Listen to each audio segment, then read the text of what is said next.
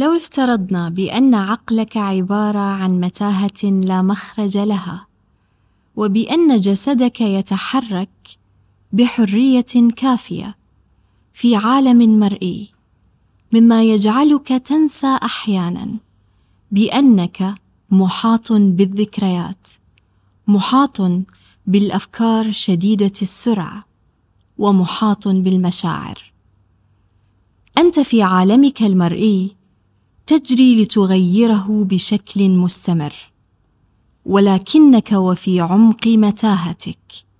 لم تسع يوما لاستكشاف طبيعة عقلك. فكيف تود تغيير العالم وأنت لم تنظر بتمعن في عالمك؟ وربما حاولت وجلست يوما لتتأمل. مرت الدقيقة الأولى وأنت في انتظار أن تسترخي. وأن تكون هادئا ومرتاحا. ولكنك وجدت نفسك ضائعا مرة أخرى. ضائعا في متاهتك الفكرية. ما حدث هنا منذ ثانية هو أنك كنت ولوهلة من الزمن حاضرا في عقلك. وحين تكون حاضرا أنت من غير الممكن أن تضيع. في عقلك ربما أنت من خلقت للمتاهة جدران. وللفكرة نسق. وللنسق حياة. ربما عقلك هو الرحاب المفتوحه هو الفضاء الذي بلا حدود. تنشأ الأفكار والمشاعر فيه. ثم تختفي كنيزك عابر. قد تفكر لماذا التأمل؟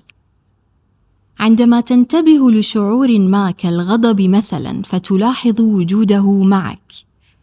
عوضا عن التفكير بجميع الأسباب التي تمنحك الحق في الصراخ ماذا سيحدث للغضب برأيك حين تراه؟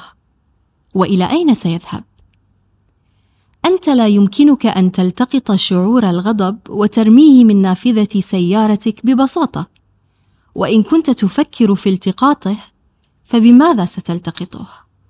وإن التقطته أين ستضعه؟ التأمل يعلمك أن لا تبقى غاضبا أن لا تبقى محرجا أن لا تبقى خائفا. وإن كنت تؤمن بأنك ستظل غاضبا ليوم كامل لسنة كاملة وبأنك تشعر ولا تفكر وتفكر ولا تستطيع إعادة تدوير هذه العاطفة. فأنت مخطئ. ما يفعله التأمل هو كشف التعليقات الهامشية التي تكدسها جانبا وتصف بها حياتك. لربما تكرر لأصدقائك دائما أنا أعشق القراءة. ولكن هل تقرأ طوال الوقت مثلا؟ هل تقرأ جميع القصص التي اشتريتها؟ جيمس لو يفسر هذا بالنقص في المعرفة الذاتية. فأنت لا تعرف نفسك حق المعرفة لأنك لست مشيع. أنت لست عبارة عن غرض مركون في زاوية ما. في حقيقة الأمر ما أنت إلا قوة كامنة متعلقة بالظروف الخارجية التي تظهر لك. ولأننا نقضي معظم وقتنا معرفين بأفكارنا. لا يعني هذا بأن هذه الأفكار قد تخبرك الحقيقة دائما عن نفسك.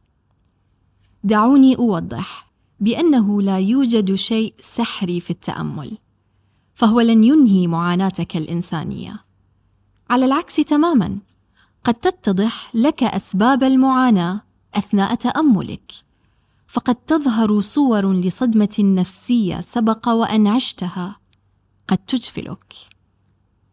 ما يفعله العقل المتأمل هو مساعدتك على أن تبقى حاضرا حتى في أشد التحديات والانقلابات الفكرية التي تختبرها. لربما تكرر لأصدقائك دائما أنك تعشق القراءة. ما رأيك أن تفعل اليوم أقل مما ستفعل غدا؟ اجلس بشكل مريح. أغمض عينيك ثم خذ أنفاسك بالشكل المعتاد. عندما تأخذ نفسك الأول لاحظ إلى أين يذهب نفسك. وعندما تقفز فكرة ما في عقلك وتنتبه لها تأمل. ماذا سيحدث للفكرة؟ هل ستبقى معك؟ أم ستمضي عنك؟ ما رأيك وفي خضم الحياة السريعة؟ أن تصبح أقل تشتتا وأن تستيقظ؟ يقول سام هاريس أن تكون يقظا لا يعني ذلك بأن تفكر بوضوح عن تجربتك بل هو حين يكون فعل التجربة. أكثر وضوحا بالنسبة لك. وهذا يشمل أفكارك التي تأتيك من دون أي مقدمات. وأقول اجمع بقاياك وتأمل فالمدى واسع لا حد له في عقلك. ثم تدفق كنهر حر فمهما اشتدت الحياة يمكنك دائما أن تبدأ مجددا. كانت معكم فاطمة يوسف في بودكاست استيقظ من قناة مساحة.